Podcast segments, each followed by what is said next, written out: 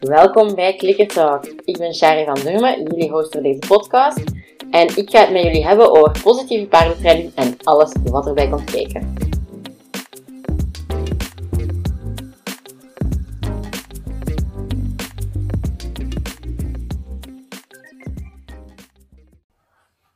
Welkom bij weer een nieuwe aflevering van Clicker Talk. Deze week is het een onderwerp dat al aan bod is gekomen in verschillende afleveringen, maar vaak eerder wat oppervlakkig. Nu, ik vind het wel een heel belangrijk onderwerp, dus daarom dat ik het toch een eigen aflevering wou geven. Want het is iets wat vaak voorkomt in paardentraining, in de paardenwereld. En eigenlijk ook bij hondentraining zie je dat geregeld. Soms zelfs bij de opvoeding van kinderen komt het voor. En ik ga het nu al zeggen, het is eigenlijk iets wat we wel willen vermijden. Nu, wat, waarover gaan we het hebben? Over flooding. Nu, flooding, wat is dat eigenlijk? Dat is een paard gaan blootstellen aan een enge prikkel totdat die gaat opgeven. Dus we gaan een prikkel zodanig ja, intens maken, zeg maar, dat het paard gewoon stopt met dingen proberen en gewoon zegt, ik ga gewoon stilstaan, want ik weet het allemaal niet meer. En een voorbeeld, dat, dat wordt heel vaak ingezet bij schriktraining ook, um, maar ook bij zadelmak maken bijvoorbeeld. En zelfs ook heel veel door professionele trainers. Dus mensen van wie dat we eigenlijk zouden mogen verwachten dat, het, dat ze goed zijn in wat dat ze doen. Nu, ik ga daar straks nog wel even op terugkomen. Maar mensen naar waar dat vaak wordt opgekeken. Um, want ja, ze doen het toch wel als job en weet ik veel wat. Ze bereiken zo zotte resultaten. Um, die gaan dat ook toepassen. En dat is een beetje het risico van flooding dat wat onder de radar blijft als concept, als begrip, als trainingsmethode, of hoe dat je het ook wilt noemen. Als we dat niet gaan kennen, gaan we het ook niet herkennen. En dan is het ook soms moeilijk om de trainers die dat bij u passen, want ja, ik ga het gewoon zeggen, om de goede trainers eruit te halen. Want het is dus niet omdat iemand professioneel trainer is en daar veel geld mee verdient en goede resultaten behaalt, dat dat voor mij, in mijn ogen, in wat dat ik belangrijk vind, dat dat ook een goede trainer is. En ik wil daarmee niemand persoonlijk gaan aanvallen, maar dat is gewoon mijn visie op een goede trainer. Dat is niet gewoon iemand dat resultaten behaalt. Ik heb dat in een vorige aflevering ook gezegd, ik weet niet meer welke juist, maar het is niet omdat iets werkt dat het ook goed is. Ik heb toen het voorbeeld gegeven van de kinderen, denk ik, die met de, de houten regel op de vingers werden geslagen als ze niet, iets niet deden wat, deden wat dat niet mocht. Of niet deden wat dat ze verondersteld werden van te doen. Ja, dat gaat ook werken, maar als je dat als leerkracht doet, dan zijt je in mijn ogen ook geen goede leerkracht. En ik denk dat we datzelfde, diezelfde latten mogen leggen voor trainers. Um, op het moment dat flooding een, een basistool is in je toolbox, ja, dan zet je in mijn ogen geen goede trainer. Maar zwart, um, dat is niet echt waar ik naartoe wou met deze podcast. Alleszins, ik vind het dus belangrijk dat dat begrip en die trainingsmethode gekend is en herkend wordt, gewoon omdat het zo vaak voorkomt. Ik zeg het bij schriktraining, bij opleren, bij heel veel dingen wordt dat eigenlijk gebruikt. Nu, wat is er heel typisch aan flooding? Ik zeg het, je gaat het paard blootstellen aan enge prikkels totdat hij opgeeft. Het paard kan niet weg, die heeft geen vluchtweg. En als ze al kunnen bewegen, dan is de beweging dat ze kunnen doen nog altijd niet weg van de prikkel. Ik denk dan bijvoorbeeld, een um, voorbeeld dat ik geregeld zie op Instagram, is een paard dat moet stilstaan terwijl er met een vlag gezwaaid wordt. Ja, het paard kan niet weg van die vlag. Die kan misschien wel gaan bewegen, maar dan gaat de trainer volgen met die vlag. onder het mom van negatieve bekrachtiging. Stel dat hij zou weg kunnen van de vlag, ja, dan gaat hij leren dat, die weg, dat weglopen werkt. En dan denk ik, spoiler alert, paarden weten al dat weglopen werkt. Dat zit in hun brein gehardwired, dat dat gewoon werkt. Dat is hun eerste reactie bij enge dingen. Dus ze weten al dat dat werkt, maar kijk, dat is een andere discussie. Um, dus je gaat volgen met die vlag op het moment dat je paard beweegt. Je gaat die wel wat tegenhouden, dat hij niet weg kan, weg, weg kan. Maar je gaat die bijvoorbeeld zo kleine rondjes rond u laten draaien, zodat je met die vlag kunt meebewegen.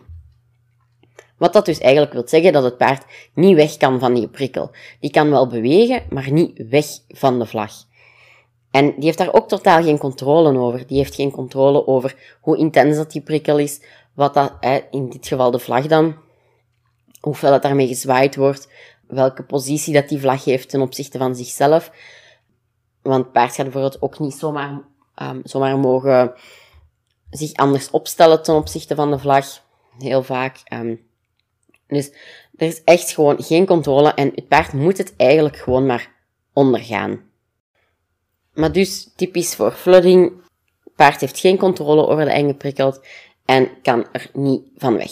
En valt ook wel een stukje onder die controle. En zoals ik al zei, het voorbeeld met de vlag en het stilstaan. Op het moment dat het paard beweegt, gaat die vlag volgen, gaat je paard wat tegenhouden. En want als je die los zou laten in een piste van 20 op 40, en dan kan hij natuurlijk weg weg van de vlag um, en gaat flooding niet werken. En gaat het paard stilstaan, haalt je de vlag weg. Hè. Zoals ik al zei, negatieve bekrachtiging is dan de uitleg dat ze gaan gebruiken. Van, paard gaat stilstaan, dus ik haal de vlag weg. Nu, ik ga misschien wat commentaar krijgen voor het volgende dat ik ga zeggen. Ik ga misschien ook commentaar krijgen op andere dingen die ik al gezegd heb deze podcast. En we zijn zes minuten bezig. Maar bon, flooding kan wel werken. En ik zeg kan werken, want ja, het hangt natuurlijk ook enerzijds af van hoe dat je het gaat uitvoeren. Want net zoals met alles hangt het, alleen moet je ook wel het op de juiste, tussen aanhalingstekens, manier doen, opdat het zou werken. En ten tweede hangt het ook af van je doel. Wat dat je eigenlijk wilt bereiken met je training. Gaat je puur, hè, als we nu terug gaan kijken naar die vlag, wilt je puur gaan kijken naar, ik wil dat mijn paard stilstaat op het moment dat ik met een vlag ga zwaaien. Als dat echt puur dat uw doel is, puur dat gedragsmatige, ja, dan gaat dat waarschijnlijk werken. Maar ik hoop dat als je naar deze podcast luistert, dat je je doelen ook wel wat andere dingen erin gaat meepakken. En dan denk ik bijvoorbeeld aan de emoties meepakken. Want wat gaat flooding niet doen? De emotie dat eronder zit veranderen. Het paard in het voorbeeld met de vlag gaat niet stilstaan omdat hij opeens denkt, ah, maar die vlag gaat mij niet opeten, chill. Nee, dat is helemaal niet wat dat hij doet. Die kan heel ontspannen lijken op dat moment, en maar dan zit je weer eerder bij aangeleerde hulpeloosheid. Dat kan ook eruit zien alsof dat een paard heel ontspannen is. Maar dat is eigenlijk niet waarom dat die gaat stilstaan. Dat is niet omdat hij ineens een knop omzet en denkt, ah, maar die vlag is mij niet aan het proberen opeten, die doet mij geen pijn, dus ik kan wel gaan stilstaan. Die gaat stilstaan omdat hij zegt, ik kan er toch niks aan veranderen. Why bother? En waarom zou ik nog proberen om er van weg te geraken? Want het lukt toch niet. Maar dat maakt die vlag niet oké. Dat maakt die angst niet dat die weg is. En dat is dus wat ik zei, dat ik, hoop dat als je naar deze podcast luistert, dat je dat ook wel een heel belangrijk stuk in je training vindt. Dat je niet gewoon gaat kijken naar puur dat gedrag, maar ook de emoties dat eronder zitten. En naar de beleving van het paard. En als je dat gaat meepakken in je doelen, en in wat dat je belangrijk vindt, ja, dan gaat flooding niet werken. Omdat, zoals ik zei, het die onderliggende emotie niet gaat aanpakken. Ik ga nog eens een ander voorbeeld uitleggen, omdat ja, uiteindelijk dat voorbeeld met de vlag en stilstaan, dat is gewoon iets wat we heel vaak zien, wat dat ik, ik zelf ook heb gedaan in het verleden. Nu, niet denk ik met de vlag, maar met andere dingen wel. Dus dat is soms moeilijk om dat op een objectieve manier te gaan kunnen bekijken. Ook weer een beetje die cognitieve dissonantie dat aan boven komt. Daarom een ander voorbeeld dat misschien wat duidelijker gaat zijn. Zeker als ik zeg dat het die emotie niet gaat aanpakken. En dat is een kamer met spinnen. Ik ben zelf heel bang van spinnen. En ik weet heel goed dat er hier in België geen of toch amper spinnen zijn, zeker de spinnen dat je zomaar in huis gaat tegenkomen, dat zijn geen spinnen dat mij gaan bijten en dat ik ga doodvallen. Als die mij gaan bijten, dan heb ik in het slechtste geval een klein beetje dat ik zie en dat jeukt. Maar dus eigenlijk is die angst totaal irrationeel. Um, maar ook weer een mooi voorbeeld. Je kunt u, uzelf niet uit een angst praten. Je kunt uzelf niet of iemand anders uit een angst rationaliseren. Dat gaat niet. Daarvoor is dat een te diep liggende emotie. Um, maar dat is ook weer een andere discussie. Um, alleszins, ik ben bang van spinnen. En als je mij in een toiletkotje steekt met allemaal spinnen, ik ga totaal beginnen panikeren.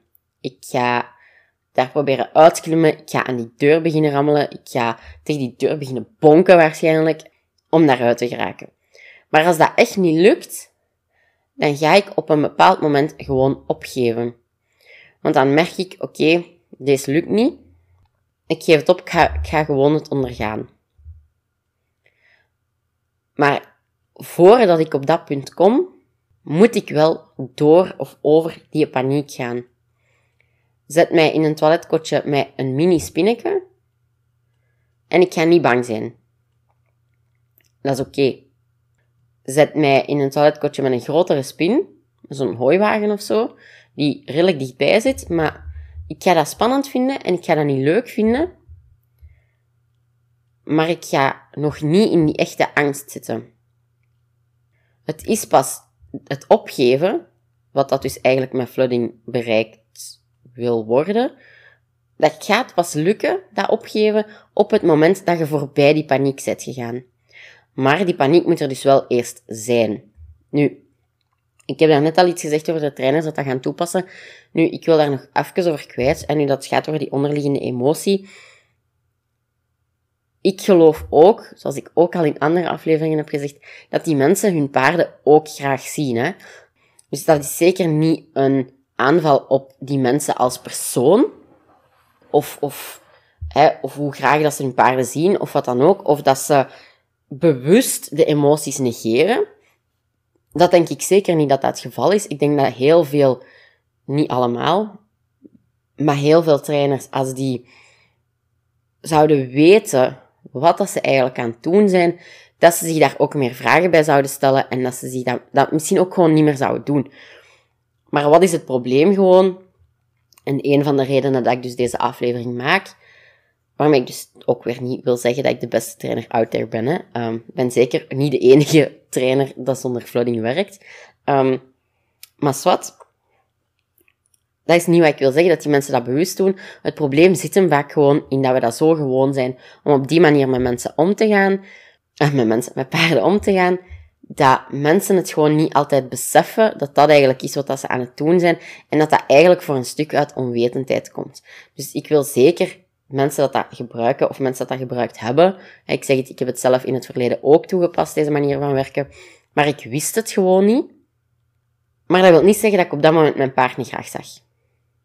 Dat is even wel nog een kleine side note dat ik daarbij wil geven. Ik wil trainers die met flooding werken helemaal niet gaan afschilderen als evil masterminds dat dat allemaal doen omdat ze uit zijn op het geld van hun klanten of weet ik veel wat. Wat ik gewoon even gezegd hebben. Um, en ondertussen ben ik mijn draad kwijt.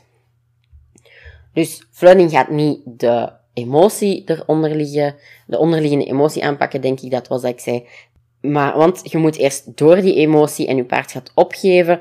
Maar dat wil dus niet zeggen, eh, bijvoorbeeld, met de spinnen, dat ik op het moment dat ik dan opgeef, dat ik die spinnen ook echt oké vind. Nu, risico's hangen daar natuurlijk ook aan vast. Um, ik denk dat ja, sowieso elke manier van werken wel op een manier zijn risico's gaat hebben. Nu, wat zijn de risico's bij flooding? Ja, paniek, hè, dat je in je paard zodanig in een paniek state of mind gaat brengen, dat je het eigenlijk gewoon niet meer veilig kunt houden. Enerzijds. Ik denk dan bijvoorbeeld aan de paarden waarbij dat flooding wordt gebruikt bij zadelmak maken. Um, iets wat ik bijvoorbeeld een paar jaar geleden heb gezien en dat ik eigenlijk oprecht een heel goede manier vond toen. Nu, ik spreek ook echt wel over, oh, ik denk vijf, zes jaar geleden of zo. Um, had ik gezien dat iemand zijn paard gewoon een zadel oplegde, stijgbeugels eraf deed. Um, of zelfs niet, dat weet ik niet meer.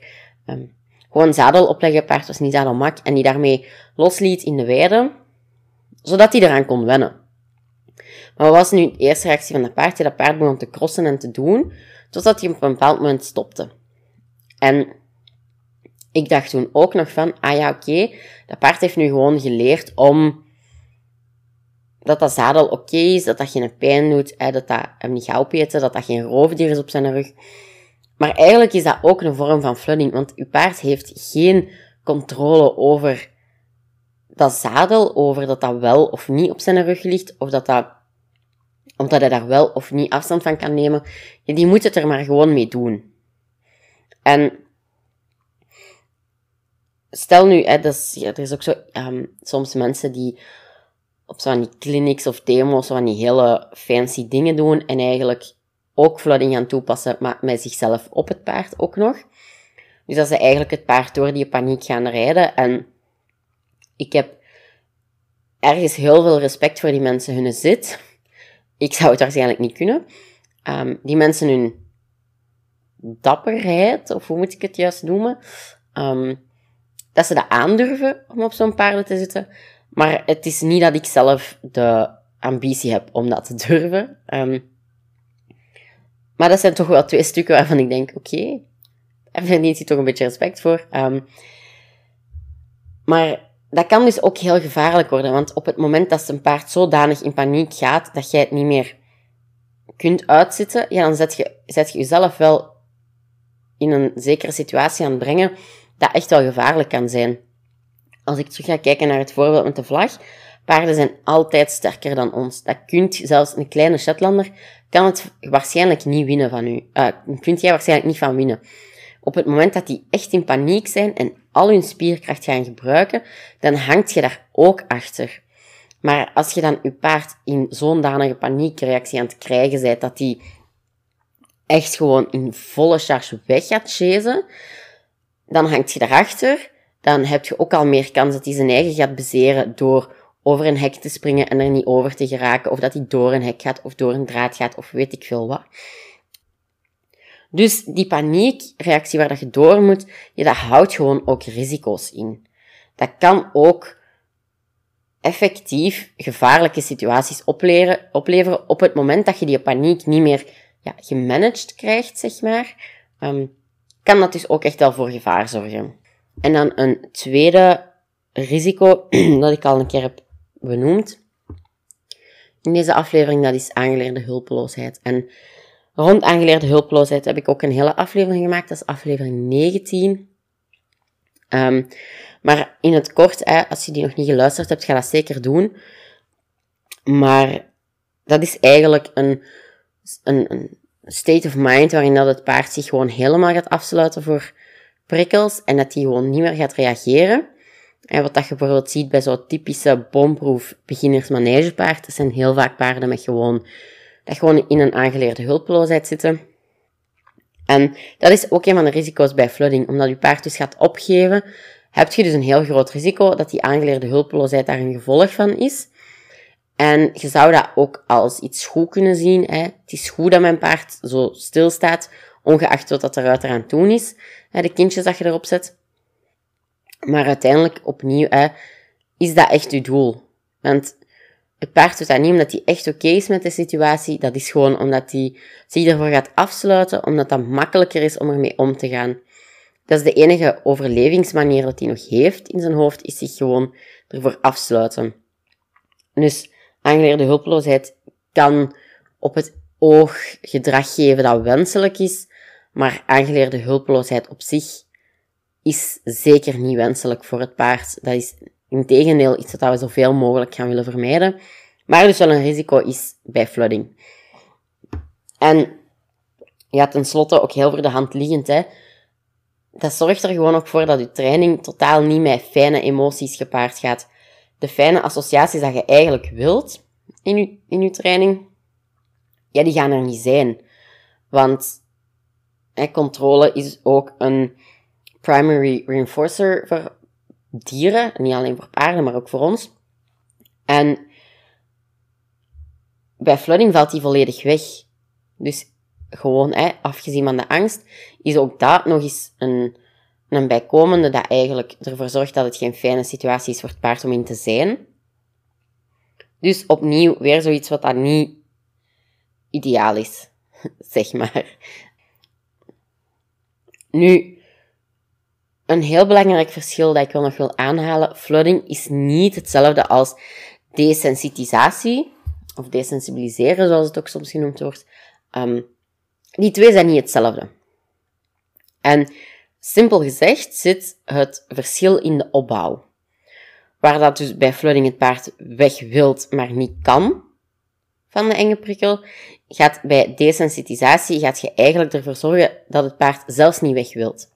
Dus in het voorbeeld bij de vlag, op het moment dat je het paard zo kort moet houden, omdat hij heel tijd rondjes aan het draaien is, weg van die vlag. Ja, bij een goede desensitisatie gaat je eigenlijk ervoor zorgen dat het paard niet in zo'n danige stress komt, dat hij echt weg wilt van de prikkel. En wat dat je dan in mijn ogen bij goede training wel gaat doen, is ervoor gaat zorgen, want we mess up. Weet je, we zijn allemaal mensen. Het kan zijn dat je per ongeluk over de grens van je paard gaat, hè. Tuurlijk. Heel normaal. En langs de ene kant heel oké, op voorwaarde dat je daar dan lessen uit trekt. Op voorwaarde dat je dan zegt, oké, deze was blijkbaar te veel, ik heb op voorhand deze en deze en deze gezien, ik heb deze en deze deze reactie gezien, dus ik ga in vervolg dit en dit en dit doen. Dan is het oké om fouten te maken, je moet er gewoon uit leren. En iedereen gaat fouten maken. Constant. Maar zolang dat je daaruit leert, is dat ook helemaal niet erg. Nu, maar hè, opnieuw terug naar goede desensitisatie. In een ideale situatie gaat je er dus niet voor zorgen dat je paard zelfs maar in zodanige stress komt dat hij weg gaat willen lopen van die vlag. Maar stel dat, dat je toch merkt van ik ben over de grens aan het gaan of mijn paard is te veel stress aan het krijgen, dat je die ook de ruimte gaat geven om afstand te nemen. Als dat is waar dat hij nodig aan heeft, uh, nood aan heeft. Dus dat je die zelf gaat zeggen van oké, ik zie dat je het wat moeilijk hebt. Ik ga bijvoorbeeld zelf de vlag wat weghalen of ik ga je de ruimte geven om zelf afstand te nemen van de vlag, hè, zoveel als dat je nodig hebt. Um, dat is voor mij hoe dat je eigenlijk bij goede desensitisatie gaat werken. Want bij angst, en, en andere emoties waarschijnlijk ook, maar het wordt vooral bij angst gebruikt, heb je vier of drie zones, afhankelijk van welke ja, persoon dat je gaat volgen, zeg maar. Um, en uw eerste zone is uw groene zone. Er is geen angst, er is geen stressverhoging, niks. Alles is oké. En in de groene zone zit ook nog dat uw paard de enge prikkel wel heeft opgemerkt. Heeft de prikkel wel opgemerkt, maar hij krijgt er nog geen stress van.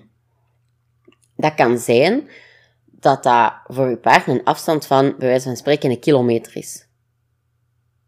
Dus nu, keihard overdreven, maar ik hoop dat mijn punt duidelijk is. Um, de afstand waarop dat die prikkel dan wordt opgemerkt, maakt eigenlijk niet uit. Maar dat is ook de afstand waarop dat de, de vlag dan bijvoorbeeld wordt gezien, maar het paard nog niet denkt, oei, was dat. Dat is ook nog in de groene zone. Het paard is echt volledig oké met de aanwezigheid van de prikkel. Die gaat er misschien wel eens naar kijken. Ehm, maar alles is eigenlijk in orde. Uw tweede zone is de gele zone en dat is eigenlijk een zone met lichte stress. Dus hier heeft uw paard de prikkel sowieso in toog. Um, ik denk dan bijvoorbeeld als je aan het wandelen bent en in de verte is er een camion.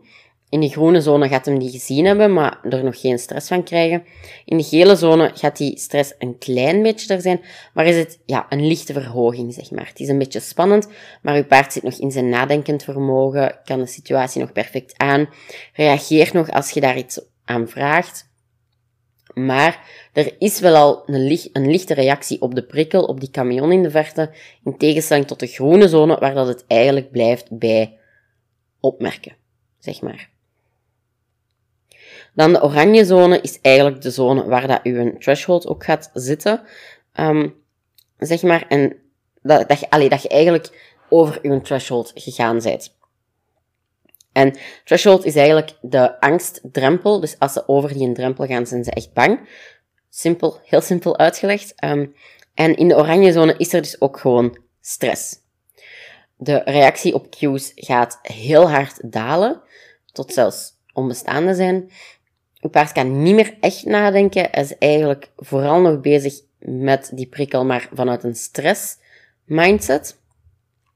En dan heb je nog de rode zone, is waarbij dat je paard echt totaal in paniek gaat en helemaal niet meer reageert op wat dat je vraagt op u. En eigenlijk ook gewoon niet meer nadenkt. Die is gewoon aan het reageren, niet meer aan het nadenken. Dus die zit echt in zijn instinctief vermogen, niet in zijn nadenkend vermogen.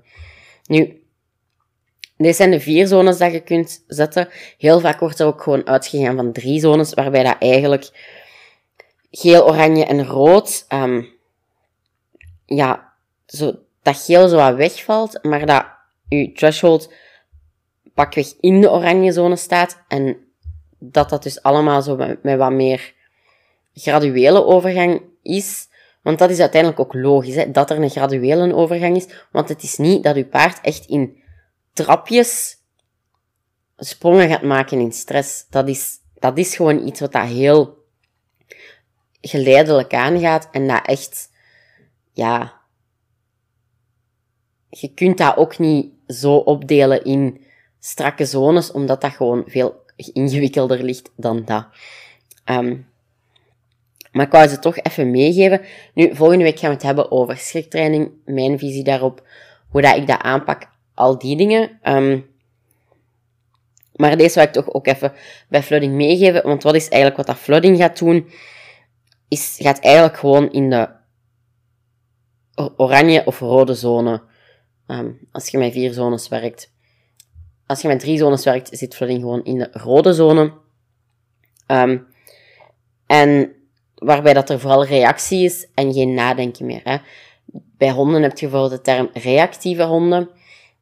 Ja, dat zijn honden die heel snel gewoon gaan reageren zonder na te denken.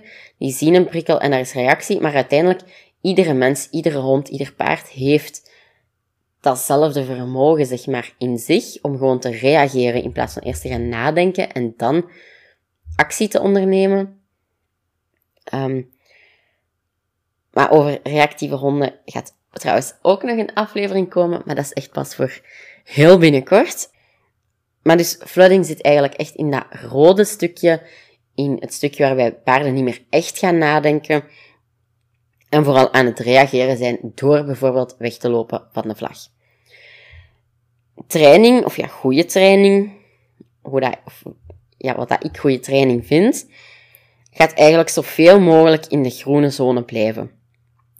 Eventueel hè, kun je ook, als je met de vier zones werkt, de gele zone er een beetje bij pakken. Um, vaak dan wel niet echt bewust, maar eerder als iets van ja, uitloop, zeg maar. Van oké, ik probeer in de groene zone te blijven, maar als het nu gebeurt dat ik in de gele zone zit, hè, dan kun, dat je dan wel aan de slag gaat met je paard er terug uit krijgen. Um, all of dat, maar de gele zone is ook niet um, een boosdoener, of weet ik veel wat, hoe dat ik het moet zeggen. Um, maar wat dat vooral belangrijk is bij goede training, is dat we altijd under threshold gaan werken. Dat we altijd ons uiterste best gaan doen om ervoor te zorgen dat ons paard niet in die echte stress terechtkomt. Want er wordt soms gezegd van, ja, maar ja, als je ze nooit in een stresssituatie brengt, dan gaan ze ook niet leren omgaan met stress. Maar dat is in mijn ogen gewoon niet waar. En nu, dit stukje weet ik niet in hoeverre dat mijn, de link dat ik daar gelegd heb ook effectief klopt. Maar het is bijvoorbeeld aangetoond dat als hersenen heel vaak geconfronteerd worden met stresshormonen, dat die daar in de toekomst net gevoeliger voor gaan worden. En dat begint zelfs al bij, bij baby's die nog niet geboren zijn, bij mensen dan. Um, bij paarden weet ik niet of er zelfs onderzoek naar is, maar ik weet dat dat bij mensen zo is, dat als de moeder heel veel stress heeft, komt dat stresshormoon ook bij de baby terecht. En die baby's, die hebben effectief, als ze volwassen zijn, kunnen die moeilijker om met stress, omdat die gewoon, die hersenen zijn, ja, bij wijze van spreken, overgevoelig geworden voor dat stresshormoon. Maar dat is ook, hè, later nog, op het moment dat hersenen heel vaak daaraan worden blootgesteld, dus niet alleen in die cruciale fase van die hersenontwikkeling, maar ook later, dat die gewoon minder goed gaan kunnen omgaan met die stress, met die stresshormonen. Dus het is eigenlijk in dat opzicht ook niet logisch dat je zou zeggen, ja, maar ja, paarden moeten in stresssituaties gebracht worden met dus die stresshormonen, zodat ze daar beter mee gaan om kunnen. Dat is, als je het zo gaat bekijken, niet logisch. Nu, of dat die link helemaal klopt, dat die wetenschappelijk onderbouwd is, weet ik niet. Ga ik heel eerlijk meegeven. Ik ga niet doen alsof dat deze mini-stukje gebaseerd is op uh, wetenschappelijk onderzoek. Allee, half. Maar dus die link dat ik gelegd heb, ik ga niet zeggen dat die, dat, dat een wetenschappelijke claim is of zo. Um, maar voor mij is dat gewoon niet logisch. Dat je aan stress moet blootgesteld worden om daarmee om te kunnen gaan. Enerzijds. En anderzijds, paarden gaan altijd op momenten wel stress hebben. Dat kunnen wij gewoon niet vermijden. Er gaan altijd dingen zijn dat die stress geven. Denk bijvoorbeeld aan een verhuis dat noodzakelijk is. Aan een, een dierenartsbezoek dat gewoon ook een, een noodsituatie is, om het zo te zeggen. Um, waarbij dat ze bijvoorbeeld ook geen inspraak krijgen. Dat kan ook heel veel stress geven. Een vriendje dat weggaat van de weide kan stress geven. Dus er zijn heel veel dingen dat je paard stress gaan geven, waar dat je zelf heel weinig controle over hebt. Dat het ook gewoon niet nodig is om die stress ook nog eens bewust te gaan toevoegen, in mijn ogen. Dat is gewoon overbodig, omdat die stress sowieso al op bepaalde momenten aanwezig gaat zijn. Um, dus daarom dat ik ook van mening ben, altijd under threshold blijven in je trainingen. En gaat je daar per ongeluk een keer over? Ik zei het al, dat kan gebeuren. We zijn allemaal mensen, we maken allemaal fouten. Het is helemaal oké. maar er is nog een verschil tussen dat het gebeurt als fout en dat je eruit gaat leren en dat het je basistrainingsmethode is. Daar zit voor mij nog een heel groot verschil tussen. Nu, ik zei hè, dat bij honden wordt gebruikt. Ik zei dat bij kinderen soms ook wordt gebruikt. Waar dat, dat bij kinderen soms wel voorkomt, is um, het slapen. En ik hoop dat ik er nu opnieuw niemand mee tegen de borst stoot. Maar wat dat nog altijd heel vaak gezegd wordt, um, als het gaat over baby's echt, dus ook oudere kinderen, maar ook echt al bij kleine babytjes, is als die wenen, als je die in hun bed legt, dat je gewoon moet weggaan en dat ze vanzelf wel zullen stoppen. Maar voor die baby is dat gewoon, die is hulpeloos. Die kan niks. Die kan zelfs nog niet zelf omrollen of draaien in het begin. Um, die is compleet overgeleverd aan de bescherming van zijn omgeving. Maar die weet niet dat hij in een huis ligt met vier muren waar er geen gevaarlijke roofdieren zitten. Dat weet hij niet. En ineens wordt hij dan alleen gelaten en moest er iets gebeuren, dan is zijn overlevingskans dus eigenlijk amper iets. Je zou kunnen zeggen, dat is gewoon nul. Een baby alleen in het wild, om zo te zeggen, ehm, die heeft geen overlevingskansen. Dus dat is voor die baby gewoon super eng om daar alleen te liggen. En wat gaan wij dan doen? Ja, laat hem maar wenen. Ja, dan leert hem wel van stil te zijn en zelf in slaap te vallen. En opnieuw, dat kan werken afhankelijk van wat je doel is, um, kan dat werken. Want die baby gaat op een bepaald moment stoppen met wenen. Maar opnieuw, die prikkel is zodanig eng geweest voor hem, van daar alleen te liggen in die kamer, in het donker, zonder iemand om hem te beschermen, dat is zodanig eng, dat hij gewoon gaat opgeven. Dat hij gaat denken, ja, waarom zou ik zelfs proberen, er komt toch niemand. En hè, dan is het weer even persoonlijk in hoe dat ik opvoeding zie. Dat is niet mijn doel. Zou ik graag gehad hebben dat Elias een beetje vroeger doorsliep en wat een vlottere slaper was? Ja, 100%. Hoop ik dat de volgende een betere slaper is? Ook 100%. Maar het is voor mij altijd heel belangrijk geweest dat Elias nooit het gevoel had van er komt toch niemand als ik roep. Het heeft geen zin. Dat vond ik heel belangrijk. En dat is dan voor mij eerder mijn doel, zeg maar, dan dat hij gewoon stil is en alleen in bed in slaap valt. En hetzelfde is bij je training. Je moet gewoon goed in gedachten houden waar dat je eigenlijk naartoe wilt. En als je niet naar een paard wilt dat zich gewoon afsluit voor dingen en dat je een paard wilt dat gemotiveerd is en enthousiast meewerkt, dat nog communiceert met u, ja, dan is dat opgeven gewoon niet the way to go. Dan gaat je daar niet geraken met een paard dat opgeeft. Want dan zit je eerder met een paard met aangeleerde hulpeloosheid. En ja, dat zijn dus de paarden die niet meer communiceren. Dat zijn de paarden dat gewoon heel braaf zullen doen wat dat je zegt. En wat er van gevraagd wordt. Maar dat zijn niet de paarden waar dat je echt nog mee in interactie kunt gaan En dat kan wel terug goed komen, maar dat kost ook heel veel tijd. En dat is voor die paarden gewoon ook echt geen fijne mindset. Dat wordt heel vaak vergeleken ook met een depressie. Ik denk dat ik niemand moet zeggen dat een depressie geen leuk iets is om mee te maken. Hoop ik. Dat mensen dat weten. Um, maar staat over aangeleerde hulpeloosheid. Is dus een aparte aflevering, aflevering 19. Um, dat is dus het voorbeeld van hoe dat er bij kinderen soms ingezet wordt. En bij honden is dat eigenlijk bijna hetzelfde verhaal. Hè. Bij verlatingsangst gebeurt dat dan heel veel. Um, ja, laat ze maar huilen en janken en doen. Maar je mag niet naar binnen gaan totdat ze gestopt zijn, hè, want anders leren ze dat je terugkomt. Waar dat ik zelf ook het probleem sowieso niet echt van inzie, maar dat is weer iets anders. Um, het is weer afhankelijk van je doel. Maar dat wordt dus effectief nog altijd wel echt gezegd bij honden die moeilijk alleen thuis kunnen blijven. Ja, vertrek maar gewoon een dag en je zal het wel leren van alleen thuis te zijn. Maar dan denk ik, leert hij echt om alleen thuis te zijn of leert hij gewoon om stil te zijn? Hetzelfde bij het paard met de vlag. Leert hij echt dat de vlag oké is of leert hij gewoon om ervoor stil te staan? En dat is waar dat het zo belangrijk wordt om je doelen helder te krijgen en die emoties goed mee te krijgen. Zodat je zeker bent dat je aan het juiste aan het werken bent. Want het is, zeker als je um, met klikkertraining of force-free um, wilt gaan werken, dan is het gewoon ook heel moeilijk soms om dat te gaan doen, omdat we dat niet gewoon zijn. We zijn dat veel meer gewoon om die paarden te zien dat weglopen voor die vlaggen, maar dat niet weg kunnen dan paarden te zien die daar volledig force-free getraind worden. En dat maakt het soms ook moeilijk voor onszelf om nu te gaan weten wat is eigenlijk het juiste om te doen.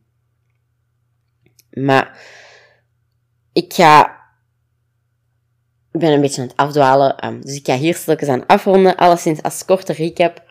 Flooding is dus uw paard blootstellen aan een enge prikkel. Maakt niet uit wat iets um, alleen zijn, een vlag, whatever. Um, totdat hij daar niet meer op gaat reageren, totdat hij gewoon opgeeft. Wat dat we dus gaan willen vermijden, omdat dat ja, gewoon geen fijne dingen is voor het paard om mee te maken. Geen fijne emoties. En dat dat ook gewoon gevaarlijke situaties kan opleveren. Opleveren. Enerzijds, um, vooral in die paniekmomenten, en ook aangeleerde hulpeloosheid kan opleveren. Nu, Stel dat je zegt, oké, allemaal gewoon wel. Ik wil daar nu wel mee aan de slag gaan. Maar ik weet niet zo goed hoe. Dan heb ik een gratis trainingsplan dat je kan downloaden. Um, ik zeg het helemaal gratis. Waarin dat je dan, dat u gaat helpen om eigenlijk gemakkelijker je training op te delen in mini-mini stapjes. Als je nu zegt van, ik, ik vind het moeilijk om zo te zien waar dat die grens ligt tussen flooding en desensitisatie dan kan zo'n trainingsplan u wel helpen. En niet alleen dat van mij, maar gewoon in general. Kan zo'n trainingsplan u wel helpen om echt uw stapjes klein genoeg te gaan maken en houden. En als je zegt, ja, trainingsplan, ik zou dat wel fijn vinden om daar een template van te hebben, dan kun je dus eentje downloaden via de link dat je onder de, onder de aflevering gaat vinden. Ehm, en dan kun je daar kun je zo vaak afdrukken als dat je wilt en dan kun je daar al je trainingsplannen op maken voor eender welke oefening dat je wilt gaan doen met je paard. En dan zie ik u graag volgende week terug voor een aflevering over schriktraining. Dat was het voor deze week in Klikkerzaak. Ik hoop dat je het een fijne aflevering vond en dat je er natuurlijk ook iets uit geleerd hebt, want dat is uiteindelijk wel de bedoeling van deze podcast. Als dat het geval was, neem dan zeker een screenshot. Deel die op je Instagram stories en tag me dan ook zeker, zodat ik het zeker zie, op atcharvd.ekelis. Heb je nog vragen of eventueel onderwerpen of personen die ik in de toekomst zeker nog aan bod moet laten komen, mag je mij dat ook altijd laten weten, zowel via Instagram als op mijn e-mailadres shari.klikkertraining.be. Tot volgende week!